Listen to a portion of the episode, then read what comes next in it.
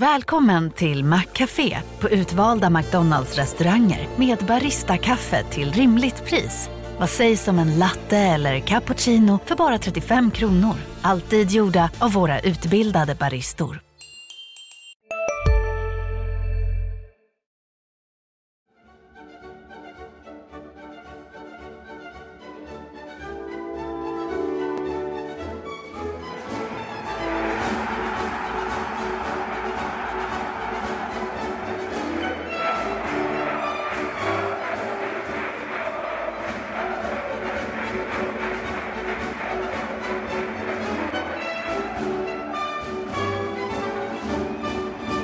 Välkomna till ett nytt avsnitt av HIF-podden. Marian Svab sitter här. Lilla jag, Erik Persson, sitter här. Och Per Hansson, HIF-legendar och eh, tv-expert på Discovery. Välkommen hit Per. Stort tack. Jag är glad att du inte sa gammal HF-are, för det blev jag dagen efter jag slutade. Jag gick på Välanda och då sa de, åh, är det inte han den gamle målvakten? Så man blir gammal ganska snabbt. Per, du ska väl... Eh, ja, nu är det ju en avslutning här på säsongen. Det är allsvenskan eh, Mm. först. Du gör AIK Sirius, som jag förstått det hela rätt, Mm. här nu i allsvenskan först. Ja. Och sen så ska du ägna dig åt kval, kvalet. Mm, så blir det. Du, eh, jag funderar lite grann på det här med hur svårt eller lätt är det att, mm, liksom, att jobba med HIF, som är din gamla klubb? Mm. Ja, men i början, alltså när jag började med detta jobbet 2020 på, eh, ja det blir ju sommaren, skulle ju varit tidig vår, eh, så tyckte jag första matchen jag gjorde med HF att det var lite jobbigt. En del spelare som var kvar, många av, av ledarna eller runt omkring som var kvar, att jag tänkte lite mycket. Eh, idag skulle jag säga att det är som vilken match som helst. Alltså det är väl inget eh, att sticka under stol med. Alla vet att jag har hjärtat i HF och varit med om ja, men stora delar av mitt fotbollsliv där. Men när jag går in i min arbetsroll, då är faktiskt HF som vilken, eh, vilket lag som helst i de här serierna. Köper folk det eller vad får du för, för respons? eh, Det vet generellt? jag inte. Eh, alltså jag eh, hoppas väl och tror att folk eh, respekterar det. Alltså det, detta är mitt jobb och då går det ut efter att göra ett så neutralt jobb som möjligt ut efter vilken match det är. Jag ska inte ha någon. Sen är det klart att det finns fördelar också att göra matcher i en klubb man har varit länge. Man känner klubben, man vet en del av folken där och, och känner ledarna på ett annat sätt. Och det kan vara en fördel, absolut. Men jag tror att det är viktigt att inte ta med det in i sändningen med dels förutfattade meningar och, och liknande. Eh, Jag tror att folk respekterar det, men det är klart att eh, man kan ju ta exemplen med att eh, alla vet kanske inte vad HIF är. Utan det är Helsingborg. Och då får man ju tänka att jag pratar ju för hela svenska folket och ibland får man ju faktiskt säga att detta är Helsingborg. Men hade jag varit här och pratat med er så säger jag ju HIF såklart. Så det är lite sådana grejer också. Det kan säkert finnas supportrar som tycker att ja, men jag ska ju säga HIF hela tiden. Men jag pratar inte bara med dem. Per, du är en eh, uppskattad att säga, eh, tv-profil numera och har, ska fortsätta väl, vad är det, de närmsta två åren här? Är det redan Ja. bestämt va? Ja, men jag skrev ett nytt avtal här för någon månad sedan så vi förlänger det avtalet med Är du inte sugen på att göra internationell fotboll? Till exempel landskamp och eh, eh, utländska serier eller de andra kanalerna? Ryck, Mm, eller det, då, då kommer, skulle jag säga det här nu så eh, bryter ju Discovery avtalet. Nej, eh, alltså, att man ska absolut aldrig utsätta någonting. Nu, just nu trivs jag väldigt bra med Allsvenskan och Superettan. du brinner mycket. alltså för den inhemska fotbollen? Ja. Verkligen. Jag tycker att det är en av de absolut roligaste ligorna. Det har jag egentligen tyckt alltid. Alltså även när jag spelar Holland så tittar jag mest på Allsvenskan. Mm. Eh, för att jag tycker om den ligan. Den har så mycket som andra inte har. Absolut kvalitetsmässigt på planen finns det mer att önska många gånger. Men allt runt omkring med, som vi kanske kommer in på just med publiken kom tillbaka. Alltså det uppskattar man ju enormt mycket. Jag utesluter inte att jobba med internationell fotboll. Jag tror att sätter man sig in i det eh, så kommer man säkert älska det och tycka att det är jättebra. Jag menar vi hade ju Europa League som vi tappade rättigheten på inför den här säsongen då tidigare. Nu kom jag in lite sent så jag var aldrig med i det, men det hade ju varit en jätterolig grej att kombinera med, med allsvenskan och superettan. Hur är det att vara på andra sidan nu bland presspacket? Ah, vi hade inga konstigheter när, du var på, på andra sidan staketet i mixade zonen. Men hur är det? Nej, Vad alltså, har du fått väl- för eh, eh, inblick? Så att säga? Vad har du fått för intryck av branschen? Ehm, att det är, eh, och det visste jag, alltså jag har väl alltid haft, eh, hoppas jag, största respekten för media. Jag sa väl under alla mina år att jag ska eh, gå ut och aldrig säga nej till en intervju. Jag, ska jag stå där och säga varför vi är så bra eller varför jag är så bra så ska jag stå där och säga varför vi eller jag också är dåliga. Det var liksom mitt motto. Jag har alltid stått för och haft största respekten för, för media. Ehm, däremot, och vet att alla inom journalistiken och media vad gäller tv och så vidare jobbar hårt, men att det är väldigt mycket jobb och att det ligger Mm. så mycket jobb bakom, i mitt fall då en tv-sändning. Och det är ju ofta vi som står framför kameran som får, eh, ja, bu eller bä. Men där är så många bakom den där kameran som gör ett så stort jobb. Och inte minst på Discovery med allt vi vi tar fram med analyser, med statistik, med vilket som ska finnas med i sändningarna eftersom att vi har ganska långa sändningar både före match, i paus, efter och så vidare. Så att, att det är så mycket jobb som det faktiskt är för så många människor, inklusive oss själva såklart. Eh, Det trodde jag väl inte riktigt att det var. Och i år så har du ju både allsvenskan och super. Är det Mm. första året du har båda serierna Per? Mer allsvenskan i år än vad jag hade förra året. Ja. Eh, I det här avtalet jag skrev så var det egentligen mestadels superettan. Det var, det var sagt att det skulle bli det, men det kan bli lite allsvenska matcher. Och det har väl, eh, någon där uppe har väl tyckt att jag gör något eh, halvvettigt jobb. Så att jag har ju fått väldigt mycket allsvenska matcher. Hur många sändningar har du varit eh, inblandad i? Ja, snart 60 matcher i år. Har jag varit. Ehm, Så att, eh, och ehm, det är väl någonstans där vi, vi, vi flesta av oss ligger. Några har lite mindre avtal. Någon av oss jobbar med något annat vid sidan om. De flesta är ju absolut heltid och mer därtill. Ehm, Sen är det ju som vilket jobb som helst. Alltså du kan ju lägga ner. Jag känner mig aldrig klar inför en sändning. Fast man har jobbat jättemycket. Eh, För att där kan jag ju alltid göra lite till och lite till och lite till. Ehm, Men det är ett väldigt roligt jobb och jag får träffa underbara människor. Och, ja men det kan jag ju säga om Discovery också att det är ett ja, grymt härligt gäng. Många proffsiga människor som har varit med väldigt länge. Men du vill gärna göra superettan också för du ser en charm med, Ja, med superettan.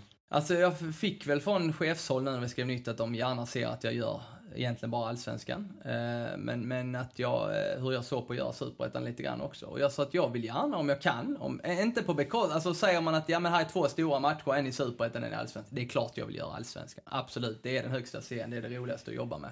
Men jag har inga problem med att göra lite superettan för att jag tycker att det är en rolig serie och att jag också har nytta av att se de här spelarna i superettan som sen nästa år tar klivet upp i allsvenskan. Det är ganska många av de här spelarna man har rätt bra koll på och vet. Seidan är ju ett exempel som var i Jönköping. Vi gjorde dem en del bra koll på. Nu är Sirius. Precis, kommer till Sirius och gör det bra ifrån sig där så har man följt den utvecklingen. Det är egentligen bara ett exempel av många andra. Oliver Berg är en annan som vi pratar om i Boyspodden när vi spelar in den. Så att, ehm, jag gör gärna det, men det är klart att står det mellan en superettan-match och en allsvensk match så gör man ju hellre en allsvensk match. Så är det.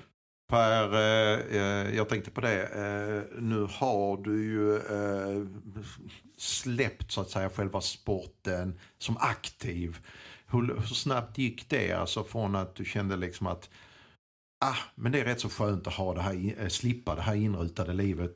Jag ska träna idag, sen är det återhämtning där, jag ska äta det idag inför en match imorgon, jag måste sova si och så många timmar. Jag förstår att du inte saknar det idag. Nej. Eh, hur fort gick det att släppa just den här biten aktiv? Att nu är jag inte målvakten Per Hansson längre. Eh, Jag tror att, eh, ja men som du är inne på, alltså allt det där, och eftersom att jag var, det vet jag inte om alla vet, men jag var enligt mina mått mätt så gjorde jag liksom allting till 100%. Om jag så åt, eller jag drack någonting, eller jag sov, så ville jag göra det till 100% hela karriären. För jag ville kunna säga att när jag slutar, så har jag gjort allt jag kan för att bli så bra som möjligt. Och det kan jag väl stå och säga idag, att nej men jag blev så bra som jag kunde bli. Sen kan man ha lite tur och otur och så vidare, och att det kan komma och ramla åt olika håll och kanter, men Eh, Det som var min fördel i en svår skada var väl någonstans att jag, ganska direkt när detta hände, så var man från läkare ganska tydlig med att ja men vi hoppas att du kommer tillbaka, men du måste vara beredd på att det här är ganska allvarligt och vi vet inte. Vi vet ganska lite om nackskador, vi vet bara att du har stora skador i nacken, vi vet inte vilka men det kommer ge dig. Ehm, så att redan där var jag väl mentalt inställd på att, ja men okej, det här ska vi ge en chans. Och två chanser och tre chanser. Och när jag gav det fjärde chansen, det hade gått nästan ett år och det eskalerar ju egentligen med alla mina eh, ja, men problem jag fick kring detta. Eh, om man ska säga något positivt, eh, att jag nästan höll på ett år att komma tillbaka var väl att jag hade fått jag hade fått ge det chansen, gång på gång på gång. Och jag var redo när jag sa den dagen att det här funkar inte tillsammans med då läkarna, eh, som var ganska tydliga med det också. Eh, så hade jag ju börjat att pröva på det andra livet lite med att faktiskt få lite helger. Att kanske kunna släppa vissa grejer lite mer, för jag märkte också sista månaden att det här kommer nog inte gå. Ehm, så det var nog skönare för mig att få liksom bromsa in det lite grann än att det blev från dag ett till dag två, stopp. För då tror jag det tagit ännu längre tid. När jag slutade där och då så var jag enormt trött på fotbollen. Jag har sagt det i något, eh, någon intervju tidigare att hade Discovery ringt mig dagen efter jag slutade så hade jag sagt att nej, nej, nej, inte en chans. Jag vill inte jobba med fotboll. Jag var inte intresserad, jag var trött på det, jag ville inte titta nästan inte på någon match, knappt. Jag var inne och kollade HIFs matcher såklart eh, i slutet, men det var inte så att jag tyckte det var speciellt roligt. Um, men i samband med att de ringde mig, då hade ju det här suget börjat komma tillbaka. Det hade gått ett halvår och man kände att, ja, men jag, jag, jag, det är ju det här jag kan, det är ju det här som är roligt. De här människorna jag känner och kan jag utveckla det i en annan roll jag har gjort innan så, så gör jag gärna det. Eh, tillbaka till det att jag inte saknar någonting av det jag tvingades lägga ner i tid på det så, men däremot saknar jag så mycket de stora matcherna. Eh, som jag inte gjorde förra året, vi hade ingen publik. Jag kände inte det på samma vis. Men när du gör ett Stockholmsderby eller när du gör Malmö mot en stor klubb och tänker, men här nere var jag ju med HF och gjorde de här stora matcherna där supportrarna är på plats, när vi går ut i uppvärmning är det nästan fullt inne. Eh, det är nästan så jag ryser när jag tänker på det, för det har jag verkligen känt i år. Det kommer du, eh, den känslan kommer du ju alltid ha, förmodar jag. Det tror jag, absolut. Eh, men eh, jag trodde ju efter förra året när det inte var någon publik att nej, men det kanske inte kommer att kännas så mycket så. Men det gör det verkligen. Man saknar de stora ögonblicken. Alltså det är hatkärlek. Mm. För man vet också vilken anspänning man hade, vilken press det var, vilken stress det var. Och att man aldrig visste att den middagen jag ska gå på med mina vänner ikväll, jag vet inte ens om jag vill gå dit. För jag vet inte hur den här matchen har gått. Det är rätt skönt att kunna boka in den middagen på kvällen idag och veta, ja det var en bra eller dålig sändning. Men jag blir ju ändå, jag blir bedömd i TV också, men där nere som målvakt blir man ju bedömd för det man gör där och då och det är svårt att ändra det när det händer. Du är kvar i fotbollsbubblan Per, mm. men om jag fattar det hela rätt så är du det på, du är det på ett annat sätt idag. Eh, är det det som gör också alltså att du inte vill in i den här svängen med rutiner och sånt och det här uppstyrda. Eh, är det därför du inte blir, eh, har funderingar på att bli tränare till exempel? Ja, nej, men jag har haft lite diskussioner med framförallt Leif Troesson då, gamla målvaktstränaren, eh, och som är i Svenska Fotbollförbundet idag, just om tränarutbildningar. För att jag anser väl någonstans att just nu är jag inte redo att bli någon tränare. Jag, som du är inne på, jag har ändå ett eh, hyfsat normalt arbetsliv. Även om vi är iväg på helger ibland så är det långt ifrån alla helger. Eh, rätt mycket måndagar, tisdagar, en hel del söndagar. Men åka iväg en söndag och, och sådär, det, det, funkar mycket bättre tycker jag än att man är borta varje lördag. För att hade detta varit ett jobb som var lördag, söndag varje helg så hade jag nog funderat på att ja, men jag vill ha lite tid hemma också. Jag hade ju inte det innan på helgerna. Ehm, men däremot anser jag att en tränarutbildning kanske kan vara bra i det jobbet jag har idag och man vet ju inte vad man vill om fem år. Eh, men att få förståelse för hur en tränare tänker och gör ännu lite mer genom en utbildning så kan det vara intressant. Och jag var nära att ansöka, eller söka, heter det ansöka? Söka efter en sån utbildning denna hösten men kom fram till att jag hinner inte. Det är för mycket jobb. Eh, och mitt jobb är ändå prio nummer ett. Men jag tror att en tränarutbildning skulle kunna hjälpa mig i många andra yrken än att bara vara tränare om man ser ett fotbollsbit. Efter nackskadan, hur mår du idag? Ja, men jag brukar säga det att jag, det vill jag egentligen, alltså jag mår ganska bra. Eh, jag, så länge jag sköter mig, eh, det vill säga att om jag inte spelar paddel så ofta, om jag inte styrketränar med tunga vikter så ofta, så länge jag inte eh, gör för mycket dumma grejer så mår jag ganska bra. Men som, ja, men som exemplet här nu, man sitter länge så här i en stol utan nackstöd så får jag ont i nacken. Och det kan jag leva ganska bra med. Problemet är huvudvärken som kommer ibland. När man blir stressad och man gör lite felaktiga grejer så kan man ha en två, tre, fyra dagar ibland med konstant huvudvärk och så. Den är lite jobbig men med tanke på eh, att jag då får liksom ja, plocka bort vissa grejer i mitt liv, för det kan jag inte göra. Padel till exempel kan jag spela någon gång då och då, men har problem rätt lång tid efter. Jag menar, jag kunde sitta i en rullstol med tanke på hur den skadan såg ut och vad som kunde hänt. Så att jag är ju jag är jätteglad att jag sitter här, så här. Och att jag faktiskt fick ha i stort sett hela min karriär. Det kunde ha hänt när jag var 19 också och inte fått vara med om allt detta. Så att eh, summa summarum så finns det eh, de som har det mycket värre än mig. Om vi ska glida in på här lite på HF-spåret igen så är det ju faktiskt så att det är ett jubileum här också. Det är ju mm. faktiskt tio år sedan du samlade i egenskap av lagkapten i HF, mm. samlade på bucklor. Mm, verkligen. Uh, är det, ja ni håller ju kontakten fortfarande såklart allihopa.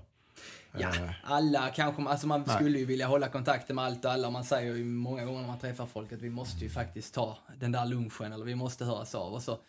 Så är det alltid svårt. Eh, men många av dem har jag ju bra kontakt med fortfarande. En del springer man ju på för att de är engagerade. Det är inte så många som spelar fortfarande från oss som var 2011, men de är ofta ledare i klubbar. Eh, och man springer på varandra på det viset.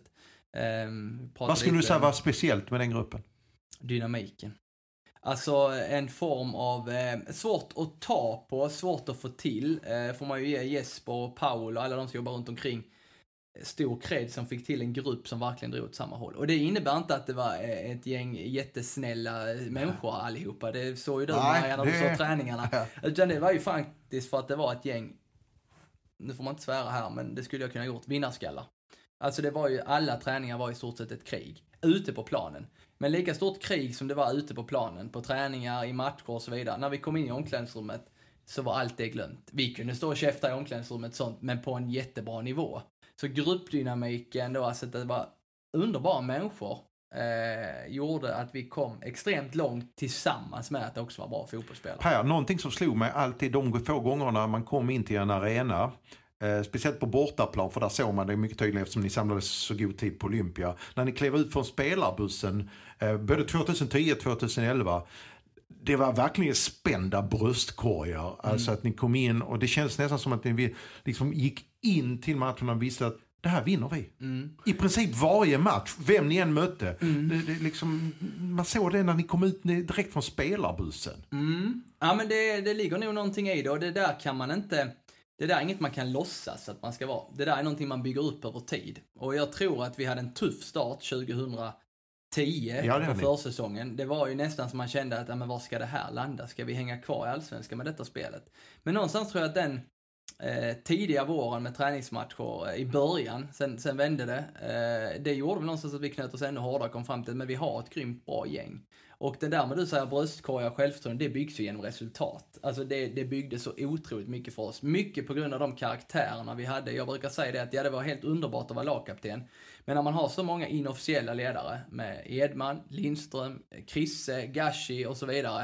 Eh, då är det ganska lätt att vara kapten. Eh, och samtidigt som det ibland var jäkligt svårt, förlåt uttrycket, för att det var ju så många viljor. Så det gällde ju någonstans att välja sina fighter. Eh, för det gick inte att ta allihopa heller. Men det var ju ett gäng, eh, det var ju ett gäng riktigt tunga vinnarskallar som jag egentligen inte kanske har sett någon annanstans än vi hade då. Per, hur är det att ha den här känslan? För det är inte så ofta kanske man upplever det i karriären, som jag sa, som jag sa så att ni går ut, spelar ingen roll om man får ett tidigt i nacken, ett tidigt mål, baklängesmål, utan ha hela tiden med, ja men det här vinner vi. Mm. Går det att beskriva den här känslan? Ja men det här vinner vi. Nej, det Eller om det står inte. 0-0 och kryss med en Nej. kvart kvar. Jag vet att eh, jag, gjorde väl kanske ingen jättematch upp någon gång på Ullevi mot IFK Göteborg. De var mycket bättre. Mm. Och ändå kände man att någonstans när man såg utifrån Mm. att jag, jag lovar, de går härifrån med tre poäng och så Ja. dyngar Garnt in den tror jag. Ja, Från, från rätt långt håll, ja. Från rätt långt, i slutsekunder. Ja, jag kommer ihåg den matchen. Det var en fantastisk match. Det var mycket folk där uppe. Vi hade också Ja. mycket supportrar. Nej, men på samma sätt som att du inte kan förklara när du ligger under med 1-0 och har dåligt självförtroende, varför vi aldrig kan vända den, så är det svårt att förklara hur det är att vara på andra hållet. Det är bara en sån magisk känsla när saker och ting finns där, när det finns en tro på någonting. Och det bygger man under lång tid. Det är inte bara någonting som sker. Utan det handlar om rätt sorts människor, bra karaktärer och framförallt att göra resultat. Och den känslan är ju grymt skön. Att åka upp där, till exempel mot Blåvitt, och veta att vi har gjort en riktigt dålig första halvlek. Vi ligger under med 1-0. Vi kommer att vända på detta. Och vi gör ingen monster andra halvlek, men vi vet att det räcker för vi var så pass bra. Eh, så att när man tänker tillbaka, och det tråkiga, och det är väl någonting jag, Håkan Söderstjärna, gamla boysprofilen, sa till mig en gång, för han, han jobbar med, eller jobbar fortfarande på SCB, eh, träffade oss emellanåt med, vi hade försäkringar och sånt, alla spelare via SCB och sådär, sa att till mig en gång, nej men det enda jag önskar att jag gjorde kanske lite mer var att jag njöt mer under karriären. Jag skulle njutit mer. Och så det måste du göra. Eh, och jag kan ju säga samma sak till de unga spelarna idag. Njut mer när du spelar. För det är så mycket hela tiden nästa träning, nästa match. Och det är jättebra, det är det som utvecklar oss. Men det är förbannat roligt att hålla på med fotboll på den nivån. Och att få vara med där ute och vinna och ta som vi gjorde, var det fem titlar i rad. Eh, jag njöt absolut när matchen var slut och jag hade hållit nollan, men sen var det nästa sak, nästa sak, nästa sak. Så att, eh, det skulle jag vilja gjort lite mer då. Jag njuter desto mer av det idag. Så det är roligt att prata om det. Idag så eh, ligger HIF på en eh, allsvensk kva- kvalplats efter tredjeplatsen i superettan. Eh, Det är inte lika muntra miner, men det kanske det kan bli om några veckor. Mm. Om vi blickar mot kvalet. Mm. Här och nu vet vi inte vilka HIF kommer att möta. Var skulle du säga att, att det här laget står? Det här laget står långt ifrån färdigt enligt mig. Ehm, man kan väl, om man backar tillbaka lite så, Eh, när, man, när, när Jörgen Lennartsson tog över, som jag tycker är helt rätt, eh, och det gör jag fortfarande, så visste jag också att de kommer bygga någonting som är solitt, som är stabilt, där man sätter en defensiv i fokus och att detta kommer ta ganska lång tid. Ehm, jag trodde under sommaren när man var så stabila, man var, började bli lite tunga, man fick, tror jag, sju av nio matcher vann man där på sommaren någonstans, maj, juni, juli. Och jag började se den här tendensen som man såg på Sundsvall sen, att de började bli tunga, bra, de slog ner sina motståndare för att de var bättre.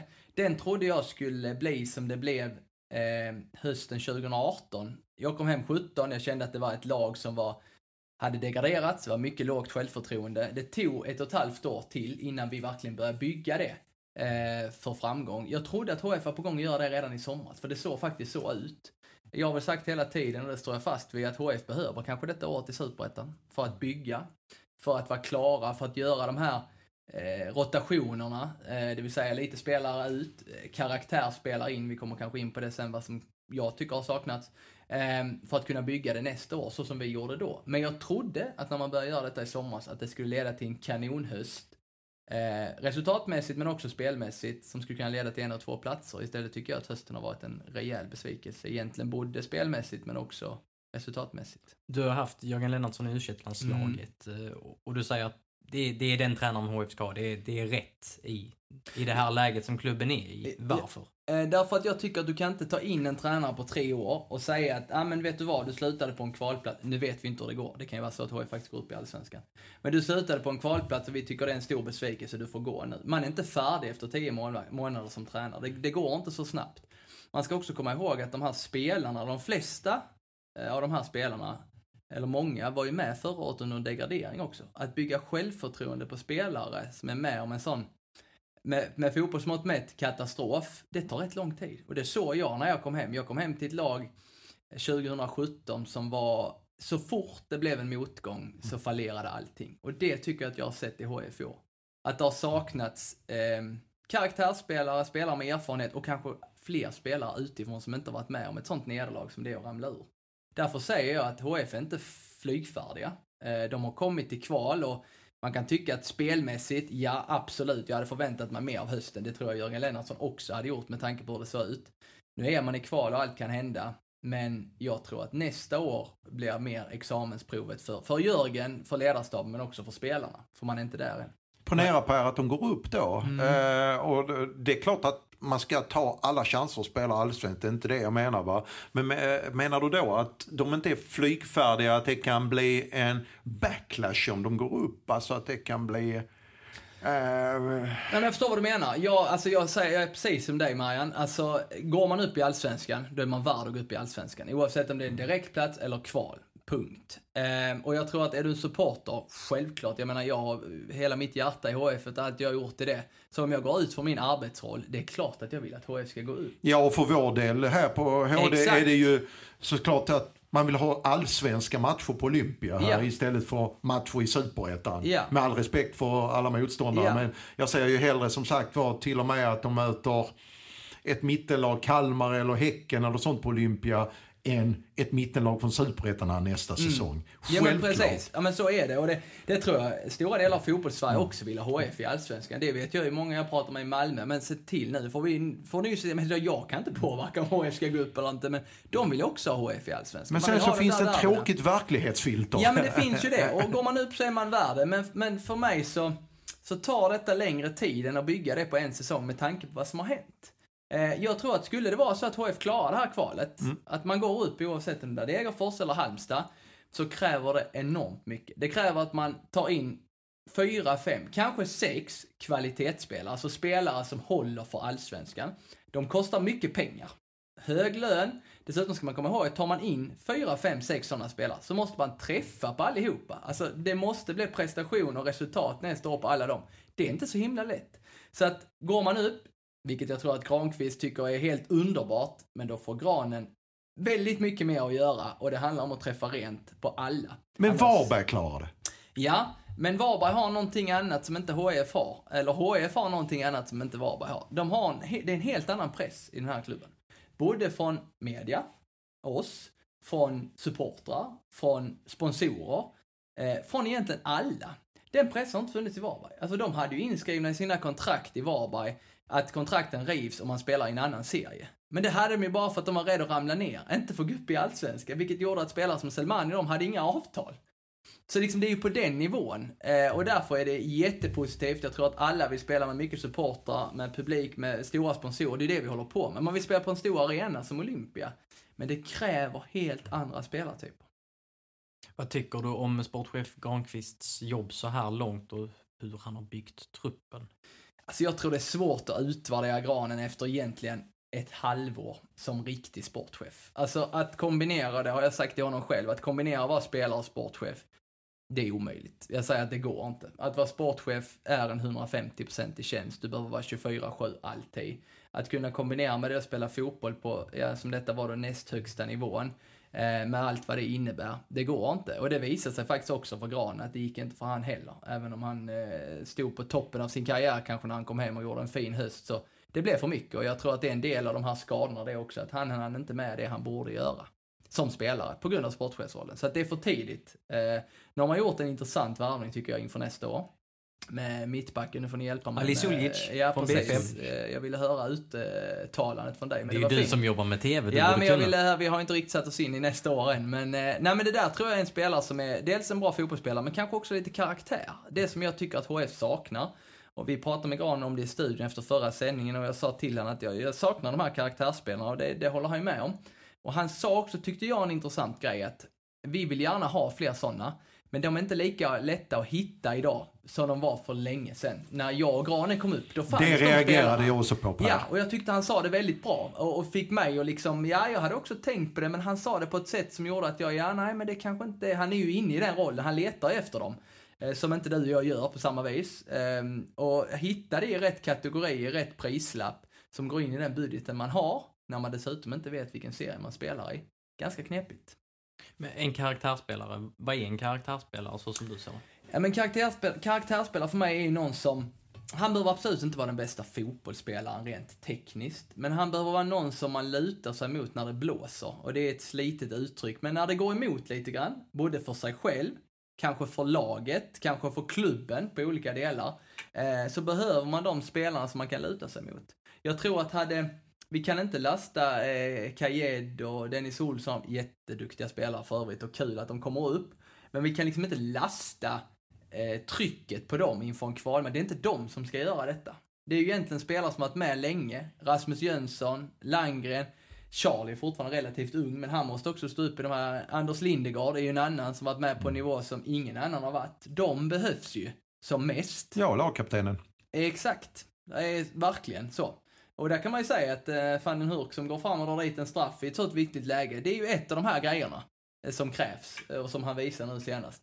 Ehm, så det är väl om det är någon bra förklaring på vad en, en karaktärsspelare är eller en eh, spelare med erfarenhet och ledarskap. Så är det väl. Om jag fattar det Per, alltså ta första halvlek mot Västerås här, när, när, när det spretar åt alla håll och Mm. kanter. Att, att det står någon människa upp och säger så här gör vi, följ mig. Mm.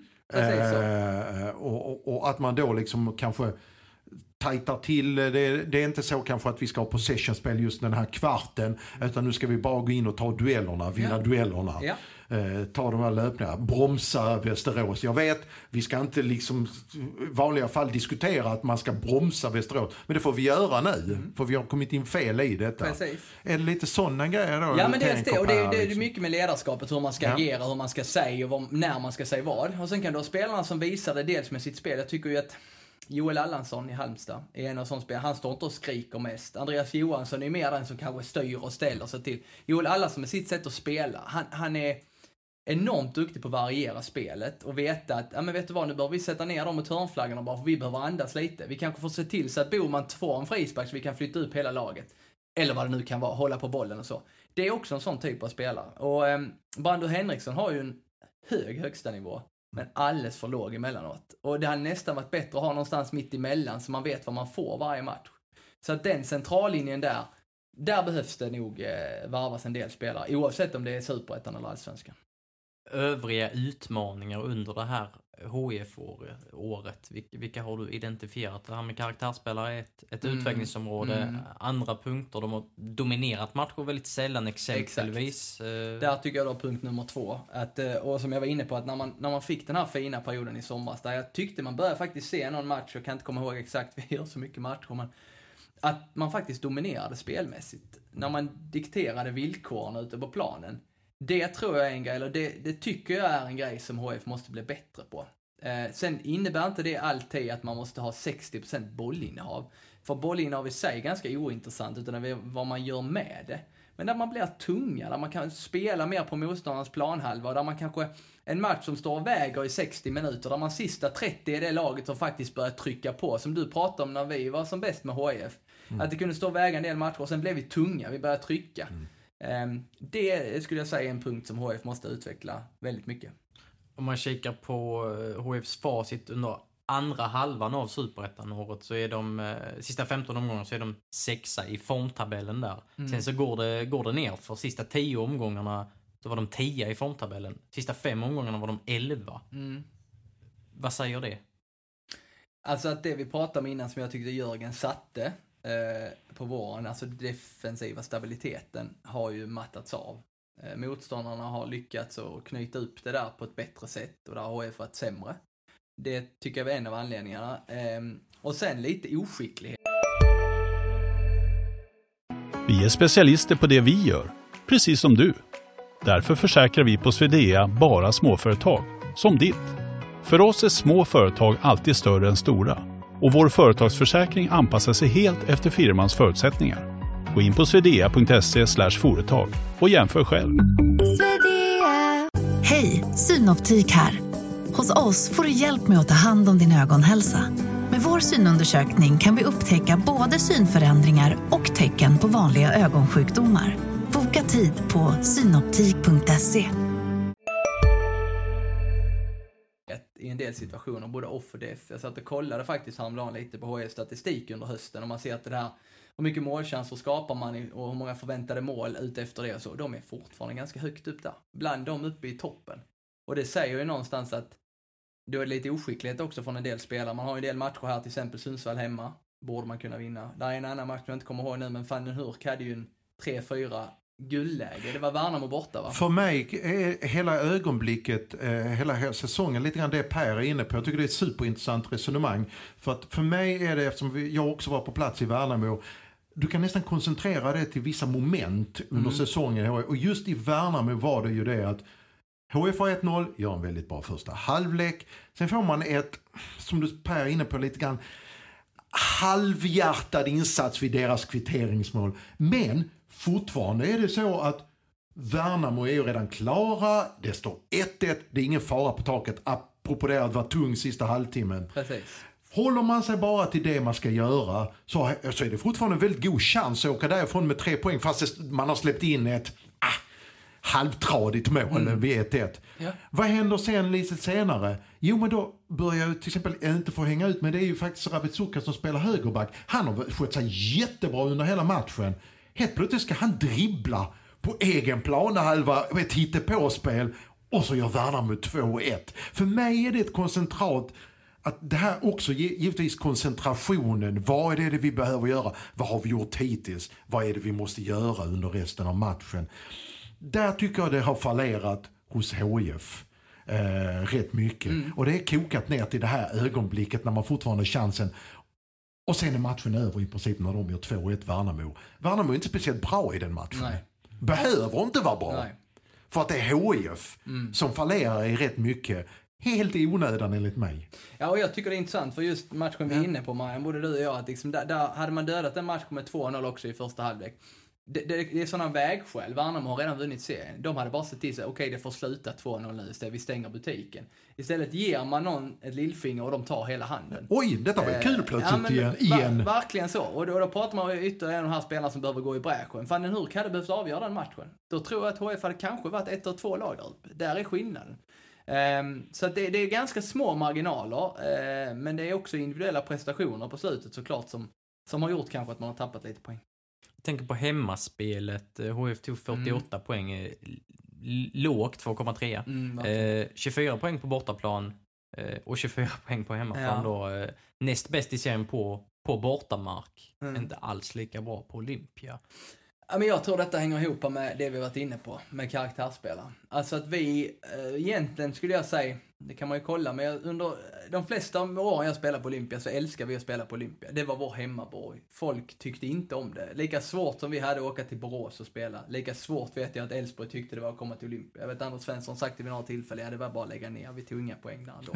och den känslan är väldigt skön. Lite som jag var inne på Maja, när man känner att ett lag är framgång. Så var det på Olympia också. Vi hade supportrarna med oss, vi hade ofta bra med folk på läktaren, vi hade tryck på det. Nu så har man ju då kanske spelare som tycker att det här med, med press och stress är jobbigt. Det är inget positivt. Dels för att man har varit med om en degradering. Det är mycket negativt kring det och det skrivs mycket i en sån här eh, eh klubb, eller runt en sån här klubb. Eh, och att man då har vänt det till något, när man får 0-1 mot sig på hemma på Olympia, så är det jobbigt istället för att se det som något positivt, att vi är starka här hemma. Så jag tycker det hänger ihop med de punkterna där bak. Om man kollar på individuella spelare eh, inför Västeråsmatchen nu, sista superettan-omgången, så fick Anthony van den Hoek priset som årets HIF, Adam Kajed fick, fick något pris eh, och, och Willem Löper också. Eh, vilka tycker ni har varit bäst, eller vem tycker ni har varit bäst i HIF? Eh, jag tycker, alltså jag, jag förstår ju att man ger den, den stora priset där till van den Hurk eftersom att han har gjort målen. Men jag tycker väl att eh, Wilhelm Löper är den spelaren som borde haft den. Även om han också kanske har matchats lite under hösten så ligger han ju bakom egentligen allting offensivt, skulle jag säga. Eh, såg han förra året en hel del, var imponerad av honom, trodde att någon allsvensk klubb skulle rycka i honom. HF tog honom och där får man ju bra med HF. Både Granqvist och eh, ledarstaben som klippte honom ganska bra där tror väl att om HF inte går upp att han i, förmodligen spelar i en allsvensk klubb nästa år. Tror jag. Ehm, så jag hade gett den till ehm, jag hade definitivt gett den till Löper, även om Hurk är den som har gjort eh, målen. Han är den som har ja, men spelmässigt och poängmässigt imponerat mest på mig. Marian, vad säger du? Jag skriver under på det. Det är väldigt svårt liksom att gå emot det. det eh, han har ju ändå haft så stor impact, alltså betydelse på, eh, trots allt, där man eh, från början inte hade satt en offensiv. Utan man, som Jörgen vanligtvis eh, brukar göra när han kommer till en ny klubb, sätter defensiven först. Men där hade de lite gratis med redan att Willem Löper redan säsongen dessförinnan hade vunnit assistligan. Man visste att man hade ett offensivt vapen så att det får komma efterhand. Eh, Så att absolut, jag tycker det är väl den spelaren som har hållit högst nivå, eh, höjer sig lite grann över, alla, över mängden. Jag skriver under på samma papper, jag säger Ja. Willem Löper också. Och man adderade ju någonting Det är ju lite in- grann också en brist, alltså att vi är så överens om att den spel, en enda Ja. spelare höjer sig. För att jag är lite för, sen har du en jämntjock gröt där under där jag inte kan peka, ja möjligtvis Hurk och därefter, mm, Adam vem Kajed är ju mer i genombrottskategorin. Mm. Eh, Jag tycker det Ja. är en annan, Det vore en bra annan om typ. den här att Willem Löper hade haft mycket hårdare konkurrens som jag säger så Mm. av en, två, tre spelare till om det här. Mm. Mm. Jag var ju väldigt imponerad av Charlie Weberg i början på säsongen. Ja. Tyckte han stod upp och hela tiden så. Sen en liten sämre match någonstans och sen blev det inte alls bra och sen kom vi tillbaka lite igen och sådär. Så att, eh, men, men jag gillar också det här som vi har varit inne på tidigare, när man, man, alltså för mig en årets spelare också en spelare som checkar in varje dag. Och Willem Löper verkar vara en sån kille som är på planen varje dag, som är lite lagom tjurig, som har det här eh, jävla anamma och som är med de flesta av matcherna. Det är inte många matcher han har missat. Eh, Någon är det väl på grund av avstängning, men Mm. annars är det inte speciellt mycket mer. Nej, och det är samma på träningarna Mm. egentligen. Precis. Och man adderade ju någonting inför den här säsongen när man fick in Willem Löper. Förra året så var Anthony van den Hurk i straffområdet men han fick inte så mycket inlägg att jobba med på samma Mm. sätt. Nu, nu har du ju pratat om att HIF har haft eh, Sveriges inläggsstarkaste högerkant och, och, och så vidare. Har man haft problem där Per, som du ser det, att, att hitta en variation? Har, Mm. det, har det blivit för mycket med att liksom skicka ut bollen eh, på löper eller langen på högerkanten och så piskar de in ett, in ett inlägg? Det var ju framförallt vårsäsongen, men eh, när man säger två tredjedelar in i säsongen så tror jag vi hade en sändning med just de här grejerna och tog fram statistik kring att det var de flesta målen, inte alla, men de flesta gjordes ju på inläggsspel och de flesta var från högerkanten. Och det är klart att om du är motståndarlag så är det inte så svårt att räkna ut att de har också tillgång till den här statistiken. Att ja, men de gör sina flesta mål där. Vi ser att det är Wilhelm Löp och stänger vi ner honom och vi ser till så att inläggen inte kommer in så har HF just nu inget jätteanfallsvapen. Och det såg vi också. Det blir ju mycket trögare eh, och man behöver kunna anfalla mer centralt. Tyckte att man började göra det lite när Kajed kom upp i, i, eh, i den offensiva rollen. Ja, för då man tappade inläggsspelet också när Hurk sjönk Ja. eh, i sin nya roll eh, halvvägs in i Ja. säsongen. Ja. Eh, Och han ska spela längst fram. Han ska vara inne i boxen enligt mig. Och det kunde man göra lite mer när Kajed var där. Och man kunde också få lite kombinationer mellan de här killarna. För Kajed var, som jag trodde när han kom upp i den rollen, skulle vara lite för defensiv. Att nu blir det bara fan en hurk i straffområdet. Men ganska många av de matcherna jag har tittat, när det finns inläggsläge, eller, eller rättare sagt när det blir kombinationer också centralt, då är faktiskt Kajed på ganska bra ställen för att vara en av två forwards, om man nu ska säga att han kan vara det i det offensiven. Han vi bidrar till, något. bidragit till djupled också, Ja, mer precis. än vad jag trodde. Mycket mer än vad jag trodde också, ja. Att, eh, just med tanke på att han kommer från en mittfältsroll. Så att, eh, där borde man kunna bli lite bättre eh, centralt i genom, genombrottsfasen. Jag tycker eh, liksom sam, samtidigt också att man eh, nu inför kvalet att man borde kunna utnyttja eh, vänsterkanten också. För Mm. den ändå Dennis Olsson är ju lite grann den här inläggsspelaren också. Men eh, Mm. Och jag tycker han ska börjar- komma ännu oftare faktiskt. Ja, och börjar man använda vänsterkanten så kommer också motståndarna börja tänka på det. Okej, men då kommer högerkanten bli lite lättare att ta sig emot. För att det ska man ju veta att möter de allsvenska lagen nu, när man gör det i kvalet, så eh, där är de ju ännu bättre på att scouta. Ännu bättre på att se vad, vad kan vi göra för att bryta ner HF. Eh, Så det kommer bli svårare, därför måste de ha fler alternativ på, i, sin, eh, i sin anfallsväg. Jag ska säga också att HIF gjorde flest mål i Superettan i år. Ja, men exakt. Man ändå har man känslan att de Ja. hade kunnat krama ur ännu mer offensivt. Säger väl någonstans också vilka krav det finns på den här eh, klubben. Vilket är härligt. Är, är kraven för stora på just det här laget? Är, är laget så pass bra om man ser spelare för spelare? Ja, det är en intressant fråga. Alltså, nu, nu kan jag inte statistik eller statistik med ekonomi kring budgetar, men jag skulle gissa på att HF är den dyraste truppen. Eller i alla fall där uppe någonstans. Och då säger Konkurrens att... med Trelleborg kanske? Ja, Sundsvall kanske. Sundsvall har säkert en, en Mm. del eh, saftiga löner där också. Ehm, så att ja, ser man till det så, om man tittar också bakåt så är det ju så att ekonomin spelar stor roll. Det ser vi i Allsvenskan också. Topplagen är de som betalar mest och kostar det pengar så får man ofta resultat. Ehm, så jag tycker egentligen inte att det är orimligt så. Eh, absolut inte. Däremot ska jag tro att man ska tänka mycket på att man, det är människor du har att göra med. Och även om du, en människa har bra betalt, så om du är med i en, en eh, nedgång som man ändå gjorde, så påverkar det en, en spelare väldigt mycket. Och som vi har varit inne på tidigare, mycket av en spelare är mentalt. Och om du inte är mentalt där så spelar det ingen roll vad som ramlar in på lönekuvertet varje månad. Utan det är så mycket mer än så. Och det tar tid att bygga upp det igen. Och där så tycker jag väl kanske inte att, nej, kraven är inte orimliga att HF ska tillbaka till Allsvenskan. Däremot tycker jag inte att de är redo riktigt än. Per, eh, på, med tanke på det du säger nu, om du tänker tillbaka på din aktiva tid och nu när du följer båda serierna så tätt som du gör. Skulle du säga att glappet mellan allsvenskan och superettan, nu menar jag nedre halvan där du, HIF förväntar sig, jag tänker inte ens topp 5, topp 6 va, där de ska, försöka etablera sig. Ser du den, eh, ser, är, är glappet större eller mindre eller likadant som under den tiden du var aktiv? Eh, Idag då? Ja, men jag borde ju egentligen säga att, att det inte är större av den anledningen att nu är det faktiskt Östersund och Örebro som ramlar ur. Alltså nykomlingarna klarar ju sig. Förmodligen, det vet vi inte. Mm. Det, det är kval för en av dem så. Men ja, jag skulle säga, i alla fall när jag ser inför den här kvalmatchen så tycker jag att om jag tittar redan förra året när det var Kalmar mot Jönköping så tyckte jag att det var en 50-50 match. Med tanke på att jag tyckte att Jönköping har gjort, sig, gjort det väldigt bra i Superettan. De var redo för att ta sig an Kalmar. Däremot i år så tycker jag nog att HF verkligen är underdogs. Alltså oavsett om det blir Degerfors eller Halmstad så är det chanserna att lyckas mycket mindre än vad det var för Jönköping förra året. Eh, och ska man titta i ett längre perspektiv, ja men kanske är det så att klyftorna blir lite större. Och det kanske hänger ihop med att det har varit mer tv-pengar in, vilket gör att Kvaliteten, mer, ja precis. ja, mer pengar i allsvenskan eh, procentuellt än vad det är i superettan. Och att avstånden då blir lite större. Eh, så jag tycker nog att ja, avstånden kan ha blivit lite större. Eh, Degerfors eller Halmstad, Mm. vilket lag har HIF eh, störst chans mot? Nej men det är ju intressant, vi pratade om det lite innan vi rullade igång här, just att det här är ju lite ytterligheterna i svensk fotboll.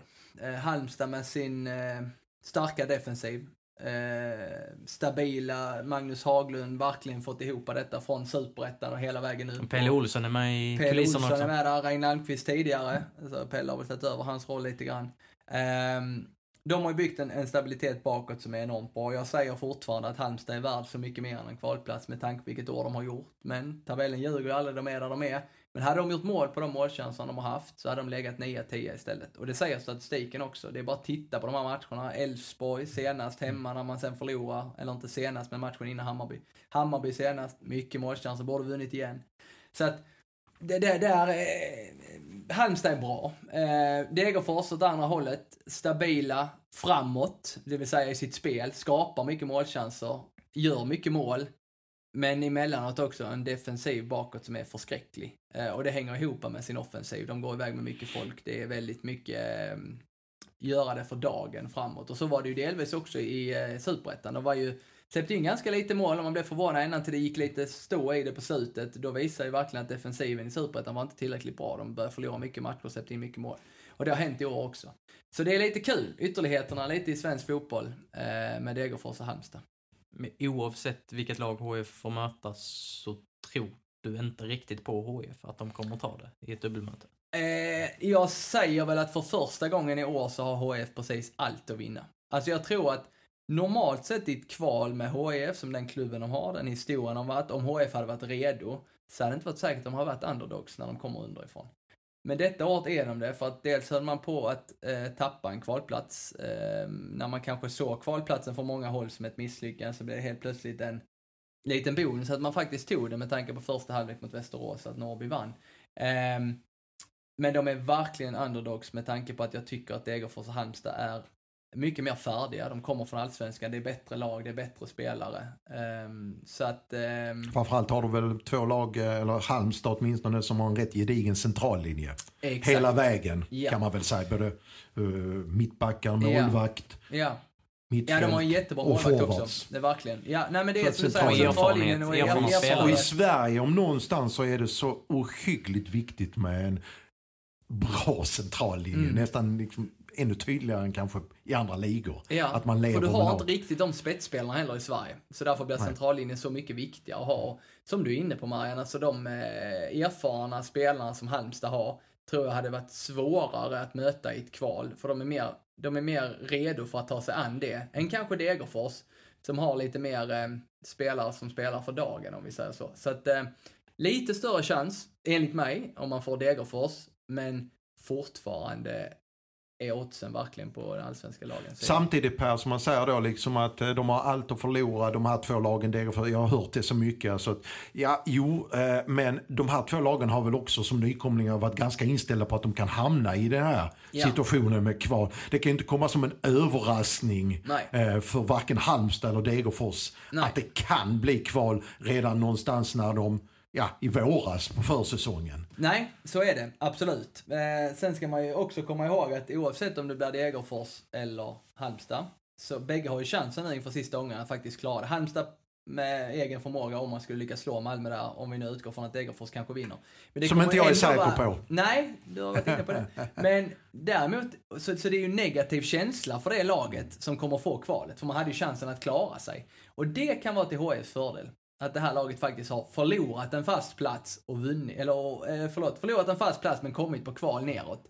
Och att det kan vara till HS fördel då att eh, det mentala kan spela in. Verkligen. Men som du är inne på, jag tror de är rätt inställda bägge de här lagen på att det kunde bli kval. Så och dessutom, jag, jag, tror lite grann det här, jag, hade gett HIF eh, betydligt större chans, eh, nästan, höll på säga, ja, i stort sett 50-50 om det hade handlat som i England, en playoff-final. Mm, mm. En enda, just för den dagen. För det är så mycket som spelar in då, men över två matcher, mm. två gånger 90 minuter plus tilläggstid. Alltså det är mycket som talar för ett allsvenskt lag då, ja. eh, tror jag. Men en finaldag, på just den dagen, en finalmatch på just den dagen, då hade jag nog sagt att det var ändå 50-50 beroende på rätt mycket andra faktorer som spelar in. Men här är det när, över två matcher så brukar det ge utslag. Mm. Och det är därför jag tycker det är bra när det är två matcher, för jag tycker att det blir mer rättvist då. Då får man en hemma, och en borta. Um, och att det är en rättvisande bild mer än att man har en bra eller dålig dag. Eh, däremot ska vi komma ihåg att skulle det bli Degerfors så är jag inte helt säker på att de kan spela på Stora Valla. För den planen är inte Den var ju knappt i speldugligt skick Nej, mot Norrköping. det var den verkligen inte. Och ändå spelar man. Mm. Så att det blir väl kanske Bern Arena i så fall då. Men då kan man också dividera för HIFs del. Är det bättre att åka upp där eller är det bättre att ha en kortare match till Halmstad? Det är ju... Det Om det nu blir Örjansvall. Ja, det vet vi inte det heller. Men Nej. den har väl ändå sett bättre ut? Ja, det har den. Det ser ja. bra ut nu mot Hammarby. Ja, precis. Så det, den tror jag nog det blir. Men ehm, ja, det är ju spännande oavsett. Kikar man på Degerfors så är det lätt att peka på Viktor Edvardsen och Nikola Djurdjic som är typiska spelare som kanske kan avgöra ett kval. Mm. Halmstad. Är det kollektivet eller är det någon speciell spelare som HIF bör se upp med om man ställs mot Halmstad? Ja, men jag tycker det är ganska många spelare man måste se upp med. För det är så här att hade Halmstad fått utdelning på det de har skapat i år, och, och, och då menar jag liksom verkligen hundraprocentiga målchanser, eh, då hade de inte varit där de är idag. Och många av de spelarna som ligger bakom det här är Joel Allansson, absolut, eh, som, är, som är duktig, han är lite som navet där. Vi kan prata om Andreas Johansson och backlinjespelare, men om vi ska prata om offensiva hot, så är ju, jag är ju svag för Kron, som jag tycker är duktig på kanten, som är en spelare som både kan gå på insida, på utsida, gå på skott, på inlägg. Och släpper man en sån spelare fri, precis som vi pratade om löper, då har man ju Antonsson i boxen, man har Karim i boxen. Karim, som jag såg som en superettaspelare, har verkligen visat att han håller i allsvenskan. Framförallt i en klubb som Halmstad. Och man har Boman som man kan kasta in även om han har haft ett lite taskigt år. Så att det är ganska många spelare. Ja, en hö- högerback också som är... Precis, ja men Kurtulus som Kurtulus. ryktas vara klar jag för är väldigt Hammarby. förtjust i Ja. honom. Och som du säger Erik, Alamari och hans Ja. vänsterfot i offensiva spelet. Hur han vänder spel och vilket hot han är med sitt skott. Det såg vi i Superettan förra året, men jag tycker han har utvecklat mycket, men det han har utvecklat mest, det är sitt defensiva spel. Han vinner mycket boll. Han är stark framför backlinjen tillsammans med Allansson. Så att, eh, ja, jag säger att Halmstad är med allsvenska mått mätt ett ganska komplett mittenlag. Men tabellen säger ju annat. Eh, Jag tänker på målvaktsperspektivet och HIF. Mm. Anders Lindegard har spelat flest matcher i år. Kalle Mm. Olsson har spelat några också. Nu verkar det finnas en viss risk att Lindegard missar kvalet. Då blir det Joelsson i Mm. holken eh, under kvalet. Hur ser du på, på HIFs målvaktssituation? Hur har den varit det här året? Nej men det har ju varit en av, om kanske inte den bästa målvaktsuppsättningen. Om man ser till... Alexander Nilsson är en trea också. Ja, och han är inte dålig. Jag har tränat mycket med honom haft väldiga, ja, bra intervjuer ni gjorde med honom och jag tyckte det var bra att det kom ut för han har ju haft väldiga problem med sin sjukdom. Som är jättetråkigt för det där är en rå produkt som skulle kunna bli hur bra som helst med rätt matchning och träning men får man ingen kontinuitet i det så är det tufft. Ja, för de som missat det så har han Crohns sjukdom, Mm. mm. mag och tarmsjukdom. Han spelade flest eh, allsvenska matcher av HIFs målvakter förra året. Precis. Och det var verkligen inte på målvaktssidan som man ramlade ur allsvenskan förra året för det var en ganska hög Det måste du säga. Ja, Din ju. målvakt. Ja, jo, man måste ju lyfta dem också. Eh, jag sant. ser väl, eh, alltså jag tyckte väl också att det var eh, Anders Lindegard som nummer ett under säsongen har ju varit eh, rätt sett till hur han, ja, men, tyckte att han hade en ganska svag försäsong. Eh, tyckte inte att han stod upp till det man kunde förväntas, men att han åt sig in i den här säsongen och hade en fin period ett tag. Eh, tycker att han har vacklat lite på slutet igen. Vi såg målet nu senast, tycker inte det är enda gången. Där borde man kunna önska lite mer med tanke på den erfarenheten han har. Och, och vi pratar om det här att stå upp när det blåser lite. Så är han en av de spelarna som behöver göra det. Eh, jag tycker att Kalle Joelsson har ju inte haft det lätt med tanke på att han inte spel. spela. Men egentligen varje gång han har fått hoppa in, likadant mot Boys, absolut inga räddningar uppe i krysset, men har gjort precis det han ska. Och visat en stabilitet som jag gillar. Eh, och man vet hur viktigt det är att ha flera målvakter som fungerar. Det kan vi inte minst prata om i Allsvenskan med egentligen alla topplag som har använt minst två målvakter. En del har använt tre detta året. Och inte bara i enstaka matcher utan även över ganska lång tid. Och jag ser inte det som någon jättenegativ grej att, att om det nu blir Joelsson som spelar, för det är en duktig målvakt och HF har förlängt med honom, det visar att man tror på honom. Och eh, oavsett hur det går här nu i kvalet så tror jag att Kalle är absolut den som eh, kan vara förstemålvakt till nästa år. Sen ska man komma ihåg att han har inte spelat så mycket i år. Eh, och det kan vara en nackdel, framförallt om man ska gå in i ett kval, eh, lite så ouppvärmd om vi kallar det på det viset. Per, eh, där, vi har ju faktiskt en person där som eh, kommer göra eh, Kalles förberedelser så att de är 100%. Det är ju Sven Andersson ju. Mm. Vad betyder det att Sven är målvaktstränare i detta läget? Att, Eh, allt skulle jag säga av den anledningen att han är, han är den bästa målvaktstränare jag har haft. Och då menar jag inte bara ut efter eh, vad vi gör på plan. Nej, det är- Mm, för, för det kan många göra, liksom lägga upp övningar och så. Det, det, han har jättebra övningar också, men det har jag haft många andra tränare som också haft. Men att kunna ha den, eller att ha den erfarenheten som han har, att ehm, ha en förståelse för hur vi känner, nu säger vi, men målvakterna känner och tänker i olika situationer. Fysiskt, tekniskt, men framförallt också mentalt. När man pratar om vissa grejer utifrån som folk säger så kan vi som målvakt säga, men ja absolut det funkar i praktiken så. Eh, eller förlåt, i teorin så, men det funkar inte så i praktiken för oss målvakter. Så att det är, du kan inte få en bättre läromästare. Och också hur han Alltså det kan ju brinna bakom dig och han stressar inte upp sig ändå. Han säger väl i stort sett att då får vi hämta en brandsläckare. Och det är rätt skönt att ha i det här läget. Eh, när det kanske brinner, när det är mycket press och stress, så är det skönt att ha Sven Andersson där. Det kommer att bli betydelsefullt med andra ord. Absolut, Per, äh, absolut. Och det är också en av anledningarna till att målvakterna faktiskt har presterat på en ganska, hög, ganska många målvakter eh, under hans eh, många år som målvaktstränare. Så det är perfekt att få honom. Dessutom ska man veta att Sven är duktig taktiskt också. Mm. Alltså han har, eh, vet jag inte exakt vad han håller i, men han är duktig både vad gäller fasta situationer och också i taktiska moment. Så jag tror nog att eh, Jörgen och Mattias använder honom rätt mycket även i spelet. Hur reagerade du när Kalle Joelsson förlängde kontraktet? Ehm, nej men eh, först, nu, först lite förvånad. Eh, faktiskt, för att jag trodde att han var på väg bort. Eftersom att man valde att förlänga med Anders i ytterligare en säsong inför detta året. Så tror jag att, och det vet jag att det fanns en besvikelse hos Kalle liksom att, ja men nu kanske mitt tåg går. Men det här kommer det återigen till det här med, som jag tycker är intressant med vilka dialoger har man med sina spelare. Kalle hade ju aldrig förlängt om inte det hade varit en dialog under lång tid med Jörgen, med Granen och vilka det nu är, om vilken roll de ser hos honom. Och han förlänger ju tre år va, Semmer? Mm. Ja. Och det är ju för att de tror på honom. För de har sagt att ja men du kommer redan nu kunna vara aktuell att spela. Anders har varit vår nummer ett, det har Jörgen varit tydlig med. Men det är klart att ju äldre Anders blir, ju närmare kommer Kalle. Eh, så jag blev lite förvånad, för jag trodde att han skulle gå till en annan miljö, eh, någon annan klubb, kanske någon klubb här ganska nära, vet man inte. Men det blev inte så. Ehm, och, och där tror jag återigen att kommunikationen eh, från klubben har varit så pass bra att Kalle tror på detta.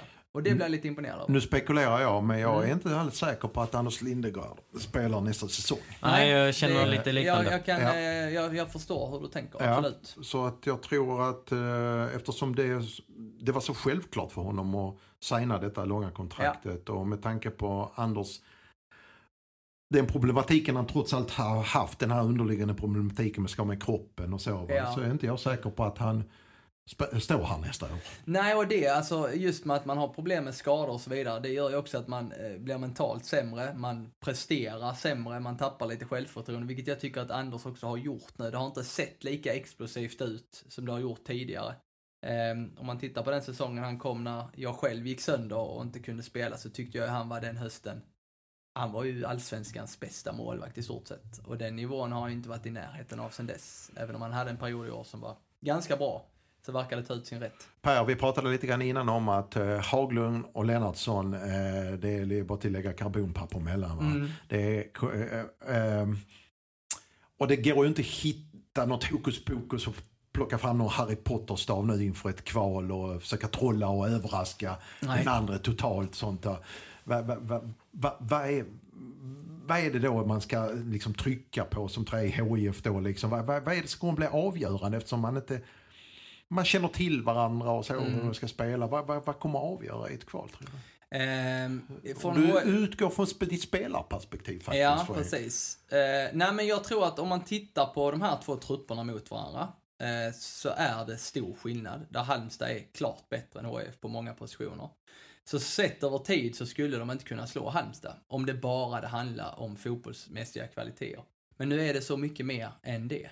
Så jag tror att det viktigaste nu är att mm, liksom gjuta en form av ehm, Ja men lite grann att vi har faktiskt allt att vinna känsla i den här gruppen. Att pressen ligger på Halmstad, eller om det nu blir Degerfors. Eller Degerfors. För, de, för de kommer ju från Allsvenskan, de har allt att förlora. För första gången i år har vi faktiskt allt att vinna. Vi nådde kvalet, mm, det kunde blivit en direktplats, det blev det inte, men nu har vi faktiskt allt att vinna.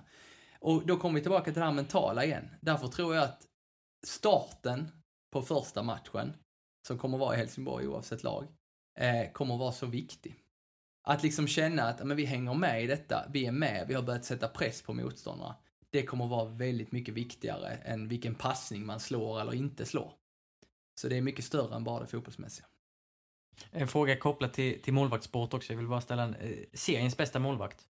Superettan? Ja. Eh, ja, jag har ju fått rösta i det. Eh, och det, det, det var lite... Det har jag också gjort ja, faktiskt. Till Superettans stora pris. Då Ja. kanske man vill höra vem du har röstat på.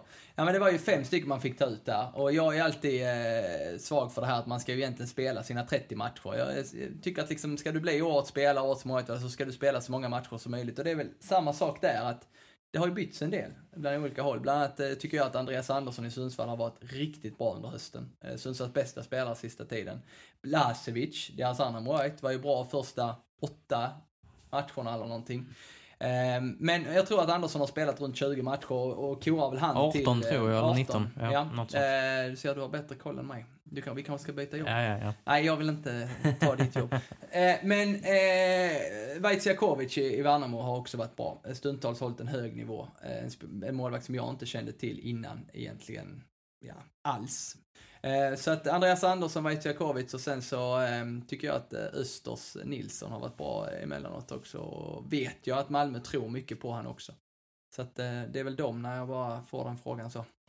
Och jag röstar på Trelleborgs målvakt Christensen som etta. Du röstar på hans som etta. Men Ja, det vi pratar mycket faktiskt. om honom och jag eh, kan väl nästan säga att jag glömde han just nu i allt Ja. annat. Nej, men vi har pratat mycket om honom och jag vet också om att eh, jag var extremt förtjust i honom. Eh, framförallt hans första 15 matcher eller vad det var. Varit lite tuffare sista tiden. Han har inte varit dålig på något sätt. Men Trelleborg som lag har ju fallerat lite grann.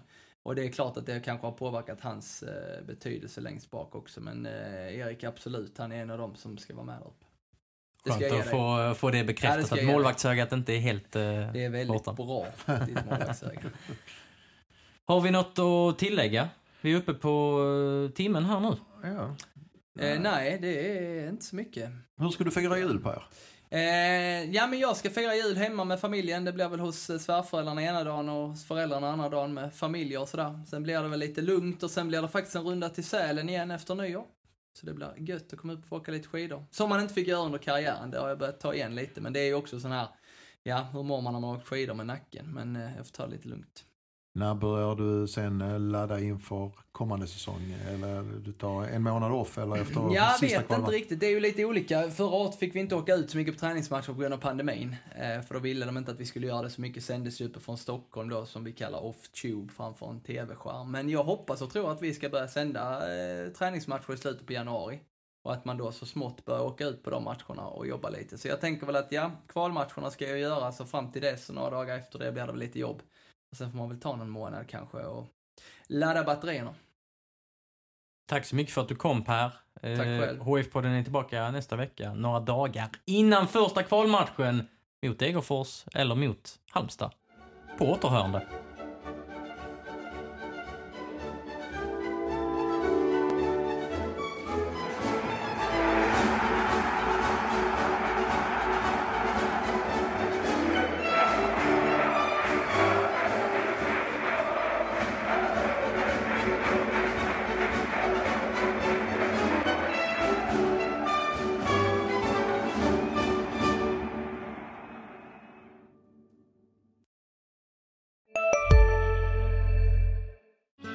Susanne Axel här. När du gör som jag och listar dig på en av Krys vårdcentraler får du en fast läkarkontakt som kan din sjukdomshistoria.